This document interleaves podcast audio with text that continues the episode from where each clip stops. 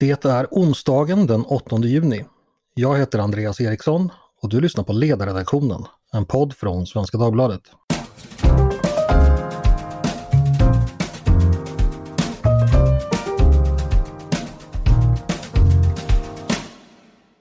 Varmt välkomna ska ni vara. Dagens ämne är något så ovanligt som den svenska skolan.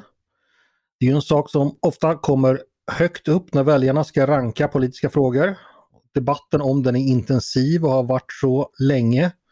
Det finns flera olika enskilda delfrågor man kan diskutera, olika konfliktdimensioner. Ämnet för dagen det är ledarsidans Paulina Neuding som under våren tittat lite extra på just skolan i en serie intervjuer och poddar.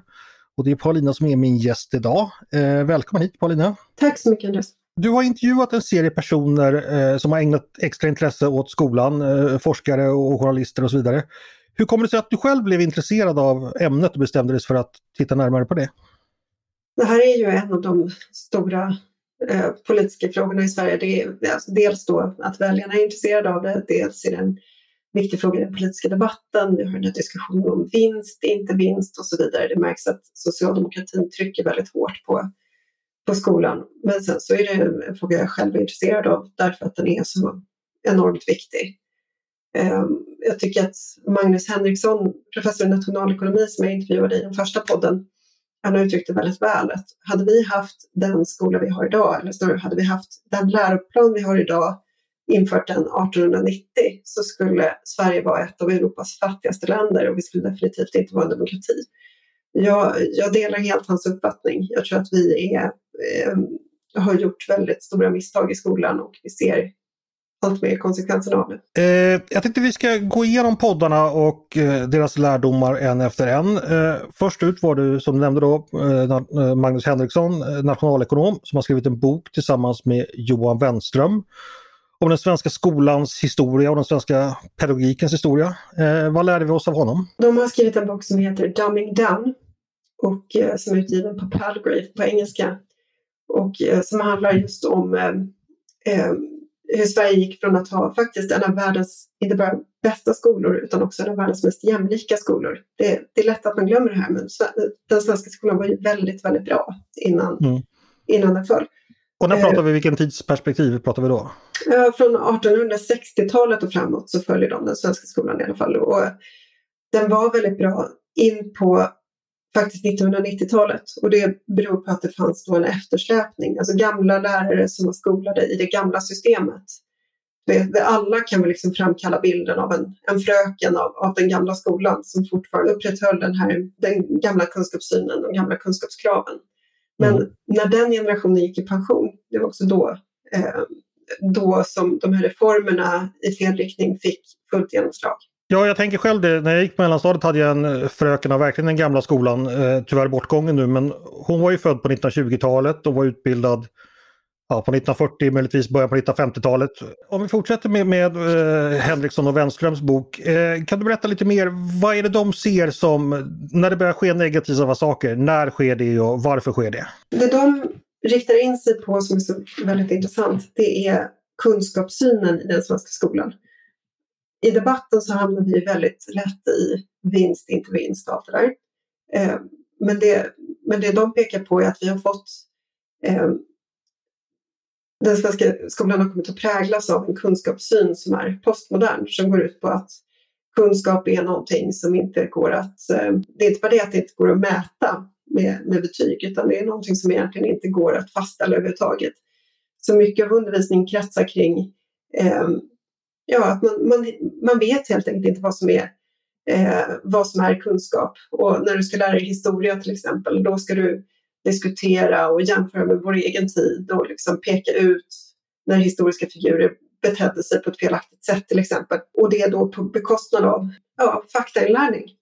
Mm. Så att eh, istället för att lära sig om säg, franska revolutionen så är det liksom ett ifrågasättande kring den franska revolutionen. Och det, det skapar en massa problem och en massa problem som man kanske inte tänker på. Och det, en sak är att det stressar ju elever när man hela tiden får höra att allting flyter och egentligen vet vi inte och egentligen vet vi inte. Liksom, du får ju söka din egen kunskap och så vidare. Mm. Och läraren är bara coach och, och, allt det där som springer ur det här. Alltså, eh, grundproblemet är det här konstruktivistiska kunskapssynen. Eh, den här postmoderna synen på, på kunskap överhuvudtaget som någonting flyktigt. Det där stiftar ju i alla fall vår generation bekantskap med kanske betydligt senare, alltså gymnasiet men framförallt eh, på universitetet börjar man så att säga, ja nu har ni lärt er massa fakta, nu ska vi börja diskutera och problematisera dem, men de tänker att det, det skolan nu för tiden kommer betydligt tidigare, så att, man, innan man ens lär sig någonting ska man börja ifrågasätta det man ännu inte har lärt sig. Precis, och, och, man ska söka sin egen kunskap i större utsträckning, alltså med fokus på research. Eh, mm. Därför att man tänker sig att det är så man fostrar eh, kritiskt tänkande människor. När det i själva verket är tvärtom. Först måste du kunna massa saker och sen kan du börja tänka kritiskt. Mm, just det. Eh, mm. Fanns det, när du läste Henriksson och Wenströms bok, eh, fick du några aha-upplevelser eller fick du några eh, insikter som dök upp som du tycker att kan vara värda att nämna igen?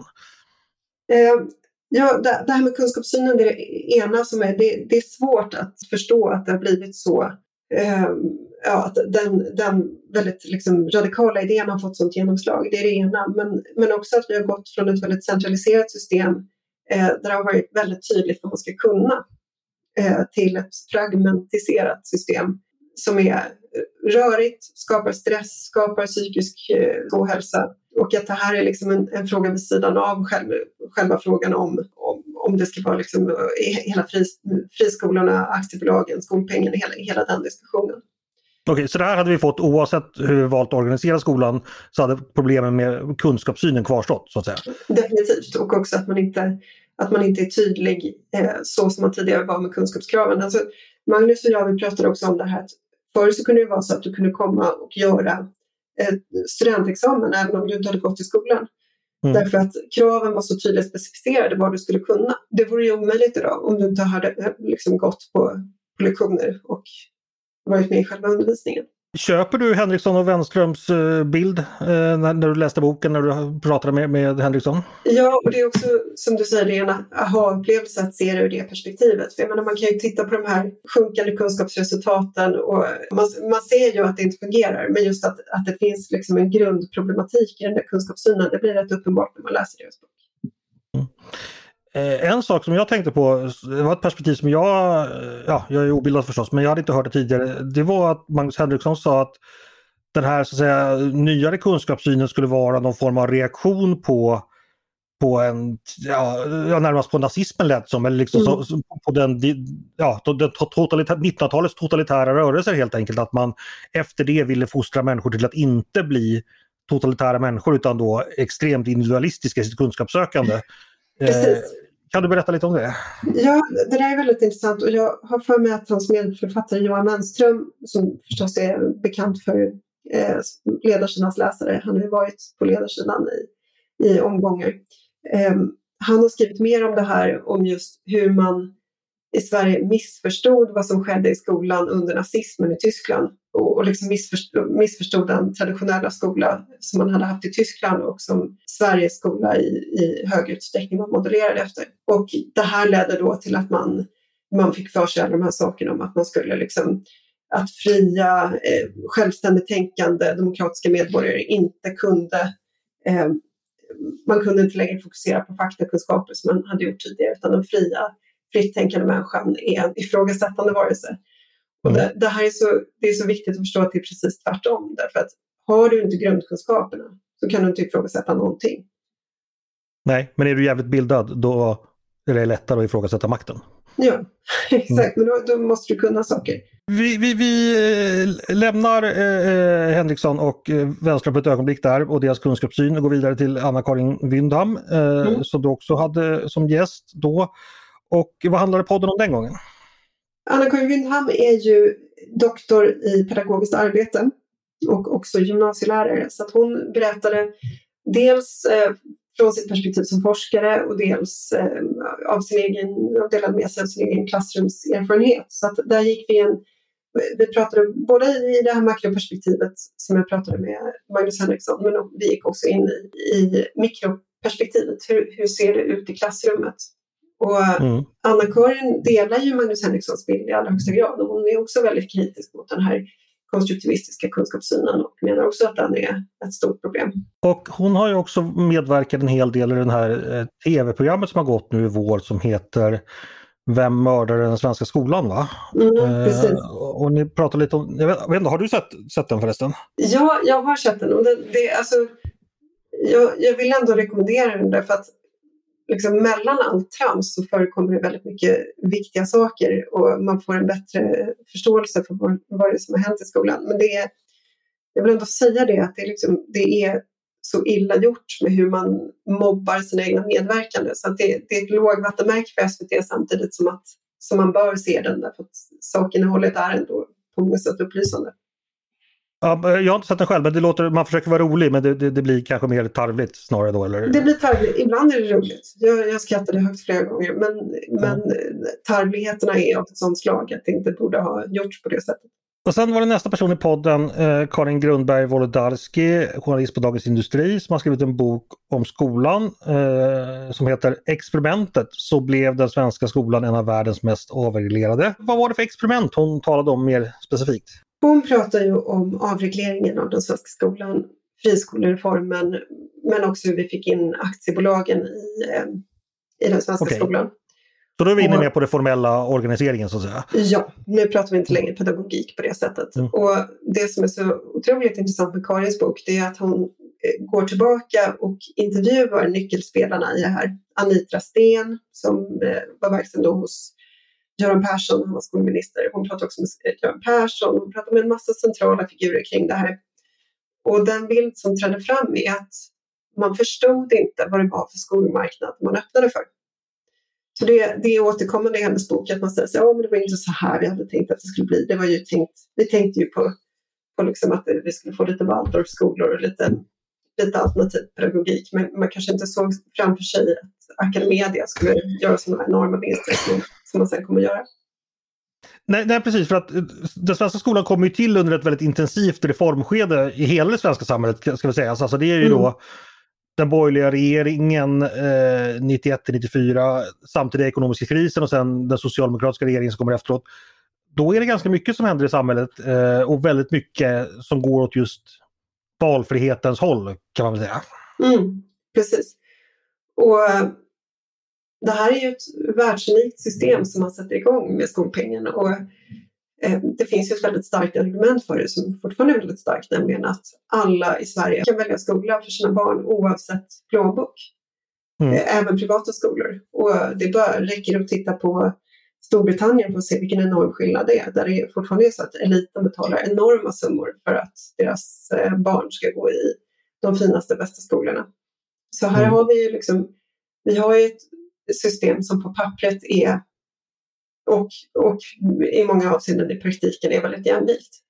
Eh, men eh, som Karin visar, hon intervjuar ju Jonas Black skolforskare, professor, som framhåller det att det, det finns en segregerande effekt här också. Det är inte så att skolvalet kompenserar för bostadssegregation utan bostadssegregation och en segregation som följer av skolvalet. Och, och, jag menar, och det kan man ha olika åsikter om. Jag, jag tror att eh, när vänstern nu, Socialdemokraterna och vänstern, när man, när man säger saker i debatten som tolkas som att man pratar om bussning så uppfattas mm. tas det emot väldigt, väldigt negativt av, eh, mm. av väljarna därför att man vill inte ha den typen av integration. Och det här, här är liksom det här pratar vi rätt, en, en rätt allvarlig samhällssituation när, när medelklassen, för att inte tala om eliten, inte är speciellt intresserad av den typen av integration. Mm. Ja, precis, för då, då kom vi in på, på dagens laddade situation kring, kring eh, skolan och liksom den debatt som förs. Kan du bara säga något, vad ligger du personligen i den debatten just nu? Har, har du någon känsla för att vad du tycker är viktigast eller vad skulle du vilja prioritera där? Jag tycker det allra viktigaste är att få till stånd en vettig läroplan. Mm. Och när man, har, när man har haft ett sådant fall som vi har haft när det gäller kunskaper, och det här ser vi i PISA bland annat, då, då är det inte läge för eh, mångfald och frihet och alla skolor får göra på sitt sätt, utan då ska man ha en väldigt, väldigt stram, väldigt klassisk läroplan och gå tillbaka till det som funkade. Mm. Eh, här... pratar, pratar du med Magnus Henriksson om det här? Eh, om läroplan, ja, det, Mm. jag tror vi gjorde det. Det slutade i alla fall med att jag skrev en text där jag uppmanade borgerligheten att ta fram en egen läroplan. Mm. Eh, jag tror att det är det enskilt viktigaste man kan göra. Att, vara, att säga så här, ja men nu det är jättebra med experiment, det är jättebra med mångfald, men inte just nu, det har vi inte råd med nu, utan nu är det det här man ska lära sig i årskurs åtta och ingenting annat. Och vill man göra något utöver det så, så gör det, men det är det här som gäller. Det, det tror jag är jätteviktigt och då får man titta på Singapore och, och länder som klarar av att göra det där på ett seriöst sätt. Men med, i och med att du då så att säga då begränsar mångfalden eller tonar ner den, då faller väl kanske, tänker jag, också valfrihetsargumentet lite? Eller blir det så? Det blir ju mindre av mångfald på det sättet. Du kan Mm. experimentera mindre med, med läroplan.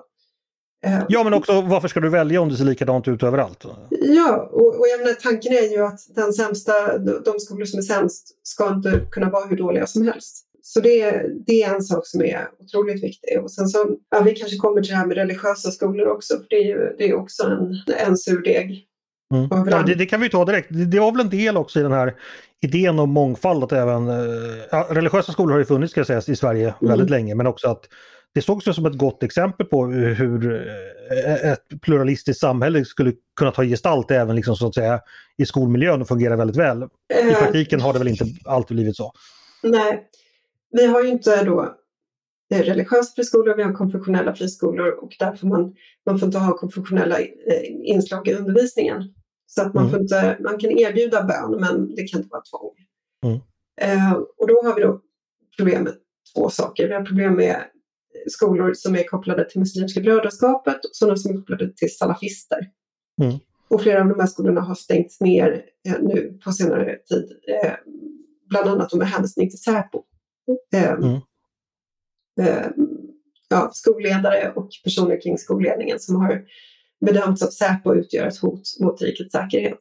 Mm. Det är ju de absolut värsta fallen. Eh, och, och ett av de fallen, Eh, där var skolan överhuvudtaget inte registrerad som konfessionell. Det ska man också ha klart för sig, att det är frivilligt för skolor att registrera sig som konfessionella. Och det gör ju att det liksom, vi vet inte hur många, bara en sån sak, vi, ingen vet hur många konfessionella skolor vi har i Sverige. Vad ser du framför dig för åtgärder här då? Ja, det där är otroligt svårt därför att vi har en, en stor del av populationen som inte vill ha en skola som är svensk, som bygger på svenska värderingar, där pojkar och flickor interagerar och allt det där. Det, det blir liksom allmänt känt att ja, men den här skolan drivs av människor som tycker som vi. Man kanske inte ens registrerar sig som konfessionell, men föräldrarna vet att här har de koll på barnen. Så att inte pojkar och flickor håller på att vänslas i korridoren eller sådär. Att här, här är det rätt värderingar som förmedlas. Och det är ju väldigt svårt för eh, Skolinspektionen att ha koll på det. Man, man kan, det, det man gör och som jag pratade med Magnus Ranstorp, terrorforskaren om det här, det är att man tittar på de här människorna runt omkring och tittar på de här klustren. Eh, vad finns det för liksom, persongalleri kring den här skolan? Och sen så kan man börja nysta om, om det här är en skola som kanske, där man inte skriver under helt på, på svenska eller demokratiska värderingar.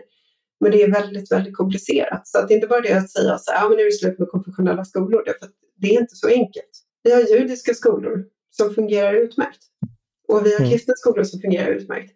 Och sen det, finns det någon enstaka kristen skola som har kritiserats. Jag läste om en som, eh, där man undervisade om att evolutionsteorin är, eh, ja, man jämställde den med Bibelns skapelseberättelse eller hur det var. Och Ja, det är en, en teori bland flera. Precis. Eh, och jag menar, det så, så vill vi inte ha det. Men det är fortfarande inte så att elever på den skolan sen kan misstänkas eh, åka till Syrien för att eh, gå med i IS eller motsvarande. Det är inte ett hot mot det svenska Nej. samhället på motsvarande sätt. Så som de här salafistiska och muslimska brödraskapsskolorna är. Så att vi ska inte ha någon falsk ekvivalens här heller. Att vi låtsas att ja, men det här finns i alla grupper och alla... Nej, det, det, det, det här är liksom det här är en specifik eh, strömning som, som det gäller att se upp med. Jo men alltså salafistiska och jihadistiska skolor ska vi inte ha. Men jag tänker ändå eh, det här med religiösa skolor. Bara en sån enkel sak som att till exempelvis eh, om man eh, exempelvis vill be en bordsbön före maten. Eh, skulle Mm. man göra det i en normal sve- svensk högstadieskola så är risken att eh, man får ganska mycket skit för det. Liksom. Att, Mm. Då kan det ju vara ganska trevligt att kanske gå i en skola där det inte det ses som jättekonstigt, tänker jag. Alltså där skulle ju mångfalden kunna ha en Ja. poäng, tänker jag. Ja, jag, jag, tycker det är, jag tycker det är bra med bordsbön. Det, jag, jag vet att eh, en av Stockholms mest populära innerstadsskolor som inte alls var konfessionell hade hade samling med morgonbön, med kristen morgonbön. Och det, det, är Mm. liksom, det är inget problem så. Men, men när det här blir en del av hela problemkomplexet kring segregation, terrorresor, liksom hela, he, hela den grejen så rör vi oss liksom i, på, på ett helt annat område. Mm. Och de två Eh. sakerna är svåra att, att skilja åt lagstiftningen. Så att det, det kommer Ja, fast på något sätt måste man... skolor eh, om, om man börjar stänga. Vi får se hur politiken lyckas med det. Där tror jag ändå det finns en viss Mm. enighet om att vissa eh, skolor inte är lämpliga. Där finns det också begränsningar i, som i internationell rätt, Europakonventionen till exempel. Så det, det är inte alls säkert att man kommer lyckas stänga några eh, konfessionella skolor i allmänhet. Eller stoppa. Ja, vi får se. Eh, sen tänker jag då, eh, eh, det har ju då de senaste fem, tio åren utvecklat en intensiv kritik eh, från vänstern eh, som också delas av fler och fler, upplever jag, inom, inom borgerligheten mot det då som kallas Ja, ordet i marknadsskolan då, jag vet inte om det är helt... Eh, man kanske tar ställning genom, bara genom att prata om det, men, men att, så att säga att eleverna då på en marknad ska välja mellan olika skolor där stora aktörer går in och tjänar massa pengar. Det är koncerner då som konkurrerar och ibland sägs det då att man konkurrerar ut eh, kommunala skolorna i alla fall i, i vissa elevsegment. Hela den diskussionen, vad tänker du om den och vad landar du i den efter att ha pratat med de här kunniga personerna? Så här, jag tror att grundproblemet är att vi, vi har avcentraliserat eh, systemet så att det, det inte finns det här som vi pratade om med läroplan och extern, extern, eh, externa tester till exempel och, och sådana Mm. saker. Men sen finns det ju problem inbyggda i själva systemet. Alltså, om man behandlar eleven som en kund eller föräldrarna som en kund, som kunder, då, det, det är liksom, då rör man sig i, i fel, fel etos. Så att säga. Eleven och, och, och föräldrarna ska inte vara kunder. Det, det där stämmer liksom inte med vad skolan ska vara. Sådana vinstmarginaler som de största skolföretagen har är svåra att, eh, att titta på och acceptera givet hur situationen i skolan är. Eh, det skapar, tror jag, en misstro. Eh, misstro hos allmänheten och den misstron i, i sig är ett problem. Så att eh, jag tror att mycket skulle då som sagt gå att lösa med att man har mer rigorösa system för att eh, kontrollera och för att eh, säga vad, som, vad skolorna ska göra. Men eh, jag tror också att hela, hela det här systemet är, det, det finns också stora inbyggda eh, fel i själva systemet, hur det är, hur det är designat. Ja, för jag tänker den här övervakningsapparaten, det åberopas ju ofta från borgerliga partier att ha mer, extern, eh, ha mer centrala prov, se till att de blir externt rättade, alltså Mm. skapa en stor byråkrati kring detta. Det kan man förstås göra, eh, men dels så kanske då det, det riskerar att skillnaden och tveksamheterna kvarstår. Så finns, vet vi att det är många då, exempelvis i praktiska ämnen där det förekommer ja, misstänkt höga betyg på sina håll. Där gör man ju inga standardiserade centrala prov utan Nej. det bedöms ju av lärarna själv. Och de räknas ju också in när man ska ta sig vidare på, på utbildningen. Så där har du ett problem i sig, tänker jag. Eh, Ja, exakt. Alltså, och, och behovet, av, behovet av att experimentera är inte jättestort i skolan. Jag tänker på när jag, när jag själv gick i skolan, eh, om jag får ja, använda en personlig anekdot. Alltså, jag gick i tyska skolan därför att eh, mina föräldrar tyckte inte att den svenska skolan var tillräckligt eh, Ja, att den inte var tillräckligt eh, mycket kunskapsskola jämfört med hur man, Mm. hur man gjorde i det tyska systemet. Och jag kommer ihåg att vi som gick då i friskolor, vi tyckte att vi, vi hade en känsla av att ja, men inom vänstern, inom socialdemokratin, så var man liksom emot vår rätt att välja en bättre skola. Men Mm. det var liksom en bättre kunskapsskola som vi liksom ville ha en rätt att välja.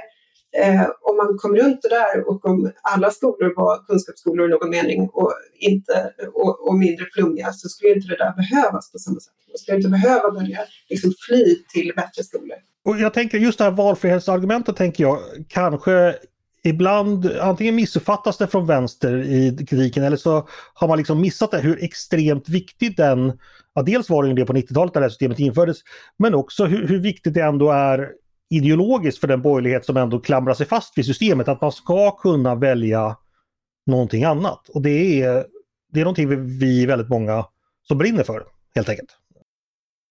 Ja, precis. Och, och liksom, om barnet inte trivs eller om man blir mobbad eller om det inte passar, ja, man, man vill kunna välja något annat.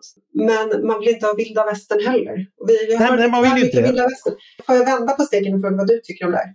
Eh, ja, eh, nej men jag tänker så här att eh, det, det, det, är uppenbart, eh, dels har vi de här eh, problematiken som beskrivits kring betygsinflationen och svårigheter med likvärdighet och eh, med, med centrala prov och sådana saker. Sen är det ju också så att jag tror att skolsystemet som det ser ut idag, det är ju inte bara så att om, om du liksom plockar ut 10% eller 15% av eleverna från den kommunala skolan, då kommer du påverka det som är kvar och då kommer du också påverka hela skolsystemet. Och sen spelar det kanske inte så stor roll om de friskolorna som finns är väldigt välfungerande för att du är ändå inne och pek, petar i någonting som är institutionellt ganska känsligt skulle jag säga. Och jag tror väl att vänstern har pekat på ganska vettiga saker. Däremot tror jag att vänsterkritiken dels har den helt missat det här med eh, valfrihetens betydelse, att den är fortfarande väldigt tung.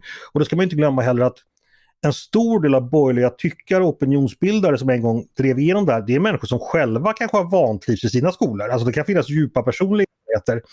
Peje Emilsson säger det helt öppet att han, det, han, han trivdes inte och, och det honom har varit en drivkraft. Och, han och, precis. och vi vet ju alla liksom att eh, tyckare också antagligen överrepresenterade av de som har liksom råkat illa ut socialt och blivit mobbade. Det kan finnas sådana saker också. Mm. Och det kan liksom skapa en liksom helig vrede av att ska inte jag få ta mitt barn ut ur den skola som är destruktivt för den. Och då kan man då invända, ja det kommer ju alltid finnas en möjlighet. Men då säger jag så nej det kommer nog inte riktigt finnas det. För det, så länge liksom tanken inte finns i människors huvud att skolbyte är någonting självklart så kanske många kommer vända sig mot det. Så det tror jag är en viktig miss som görs. Den andra missen skulle jag säga, det rör, det rör vinsten där liksom man tror att du kanske är lite annorlunda men jag som liberal, jag blir inte jätteprovocerad av om det tas ut vinst för någon människa som liksom skapar innovationer eller skapar någonting bra i offentlig sektor. Är det någon som ska bygga en tunnelbana dubbelt snabbt i Stockholm genom att spränga snabbare, ja men ta hem vinsten. God bless you liksom.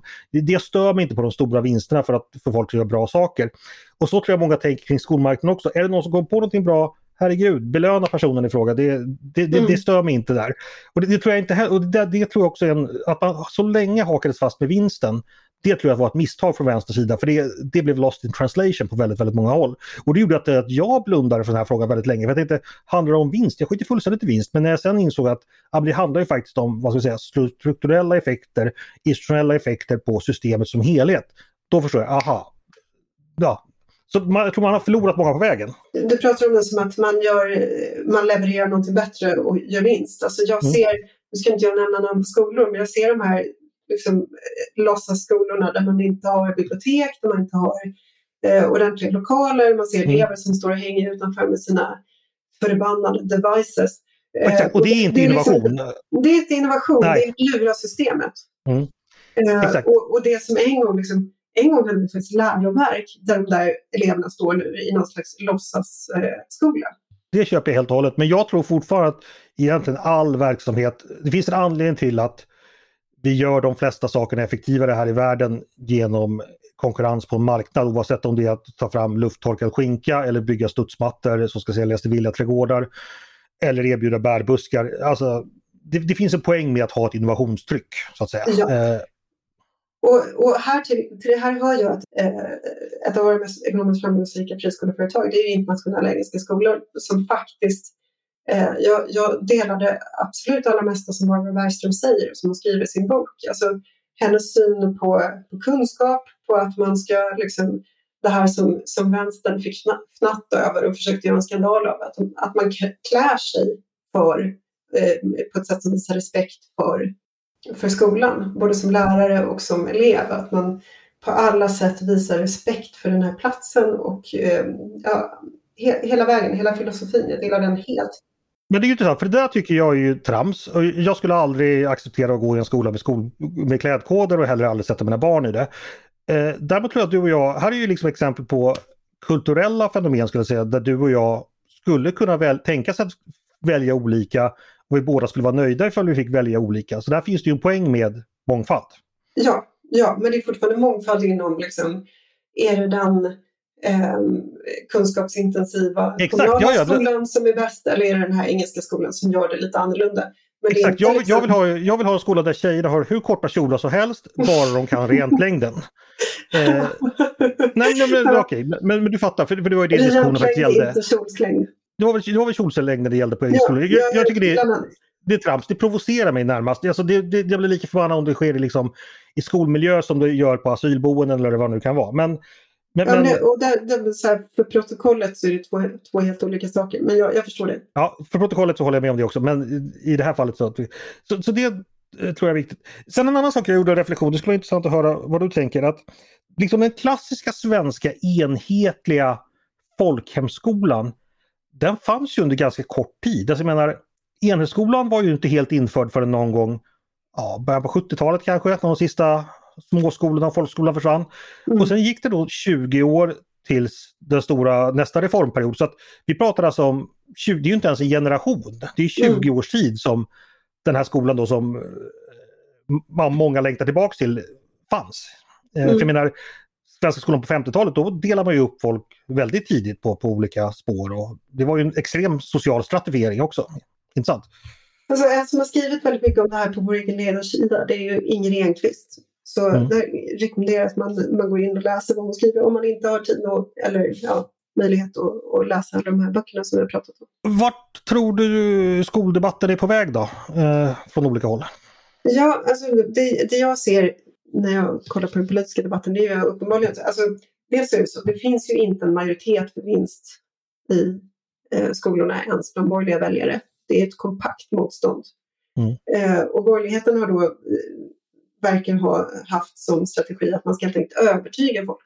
De har inte fattat. Vi måste övertyga folk om att vinst och valfrihet hänger ihop. Jag vet inte om det är det, det bästa sättet att säga så ja, men alla de här skolorna, kolla om inte de fick göra vinst på era barn så skulle de bomma igen. Mm. Eh, jag, jag blir inte attraherad av det budskapet kan jag säga. Fast det är ju så. Alltså jag menar... Ja, visst. Och det, men, men liksom försöka vinna väljare på det. Eh, men i alla fall så, så eh, Eh, nu kommer det signaler från eh, Folkpartiet om att man kanske är beredd att se över det där.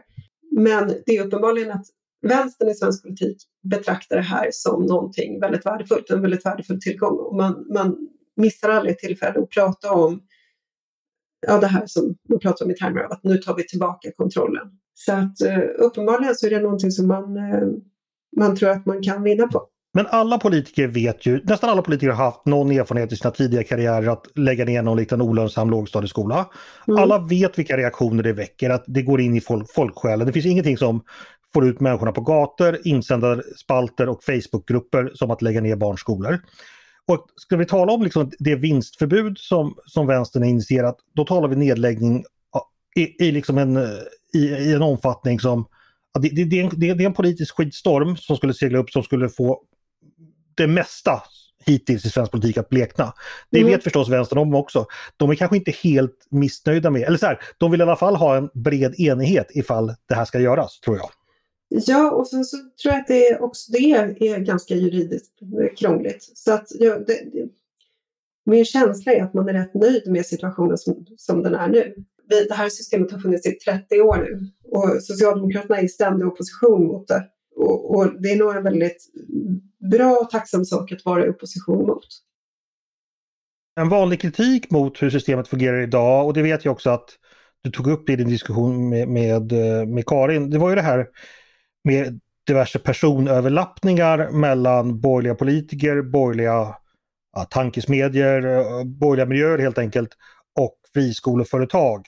Och det här mm. har ju mm. vänstern tänt till på, på alla cylindrar och sagt att det tangerar korruption eh, och att man så att säga, ja, du kan den valsen. Eh, vad mm. har du för tankar om detta?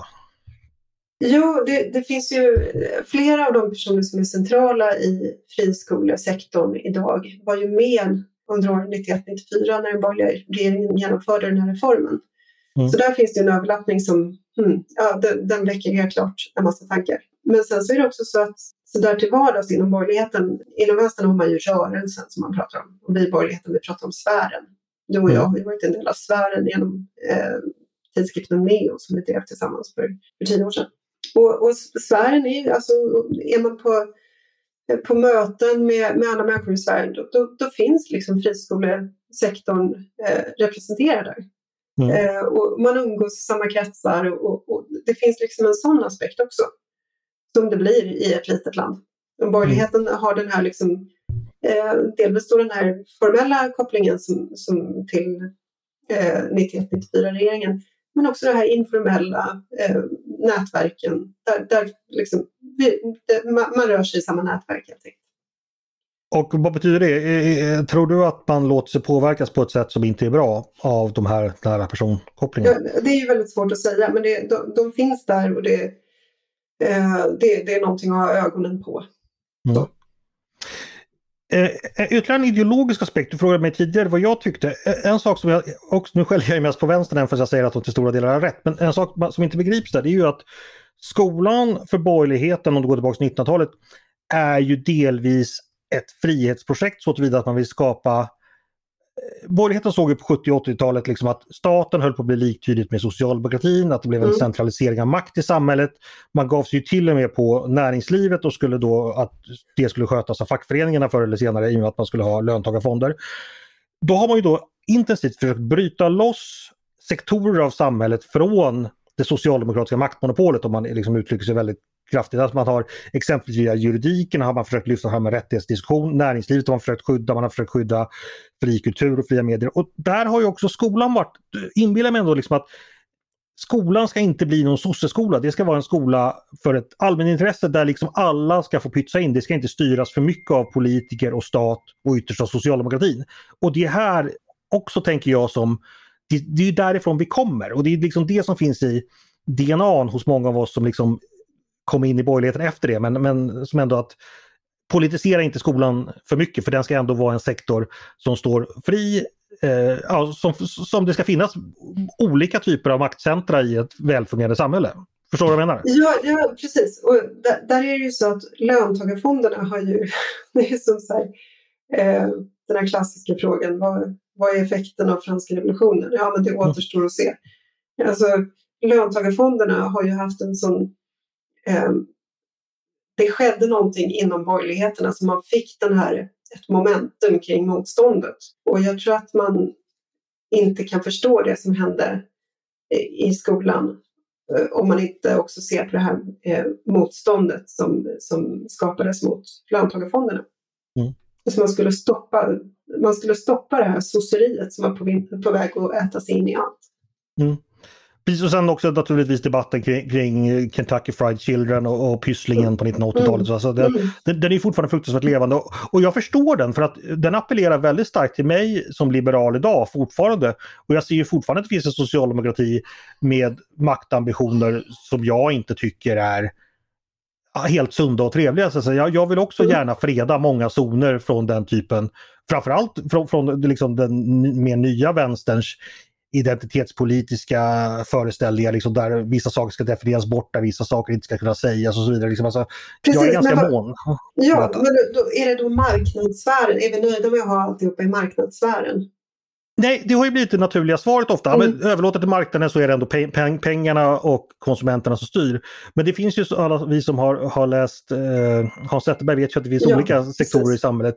Och naturligtvis är ju alltså civilsamhälle, en självständig akademi, kyrkor har ju traditionellt viktiga eh, idrottsrörelser, vad som helst i Sverige har ju liksom, det har funnits mm. väldigt många alternativa men det är ändå liksom ja, centralt för att förstå diskussionen.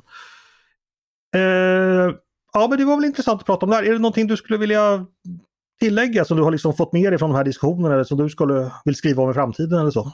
Jag är, jag är väldigt intresserad av den här tanken på eh, en, en, en ny läroplan, hur den skulle se ut, hur det skulle se ut om man faktiskt samlade experter på det här området som inte är liksom ideologiska aktivister eh, utan, utan som, som kan den här frågan på allvar, som på allvar skulle kunna eh, återupprätta en fungerande läroplan i den svenska skolan och hur mycket det skulle, hur, hur mycket det skulle bidra med. Mm. Nu är ju, jag tycker för sig om man läser de senaste läroplanerna så de är ju rätt konkreta. Så jag menar, exempelvis var det någon som påminde mig igår, det var någon som frågade på Twitter, lär sig barnen där blomstertid nu kommer? Och det står faktiskt i läroplanen att barnen ska kunna känna till och, och kunna de välkända salmerna. Så där är man ju ändå ganska konkret. Vad jag förstår har det blivit bättre, men det är fortfarande andan från 94 som, som svävar över läroplanen. Tyvärr Mm. för mycket. Nej men alltså det, det, det är väl klart att man sk- skulle kunna, det skulle kanske vara ett projekt för borgerligheten att verkligen ta fram en läroplan. Frågan är då i vilken grad blir, alltså vi minns ju alla hur det gick där Liberalerna föreslog att vi skulle ha en kanon. Då blev vi omedelbart debatt om vad ska exakt ingå hit och dit och sådär. Att det, det kanske blir en detaljbråk som gör att allting Mm. bara havererar. Det, den möjligheten finns Ja, ju. och, och jag menar, en kanon hade ju varit jätte, jättebra. Tänk när du har tagit, igenom den, tagit dig igenom den, då vet du, men nu har jag läst det här som jag behövde läsa. Det finns en början och ett slut och någonting du har gjort. Mm. Ehm, det, det finns en sån rädsla för att säga, men det här är det man ska kunna. Stort tack Paulina Neuding för att du ville komma och prata med mig om detta idag. Tack så mycket. Och tack till dig som har lyssnat på Ledarredaktionen, en podd från Svenska Dagbladet. Ni är varmt välkomna att höra av er till redaktionen med tankar och synpunkter på det vi precis har diskuterat eller om ni har idéer och förslag på saker vi ska ta upp i framtiden. Bara mejla då till ledarsidan snabel svd.se. Dagens duktiga producent, han heter Jesper Sandström. Själv heter jag Andreas Eriksson och jag hoppas att vi hörs igen snart.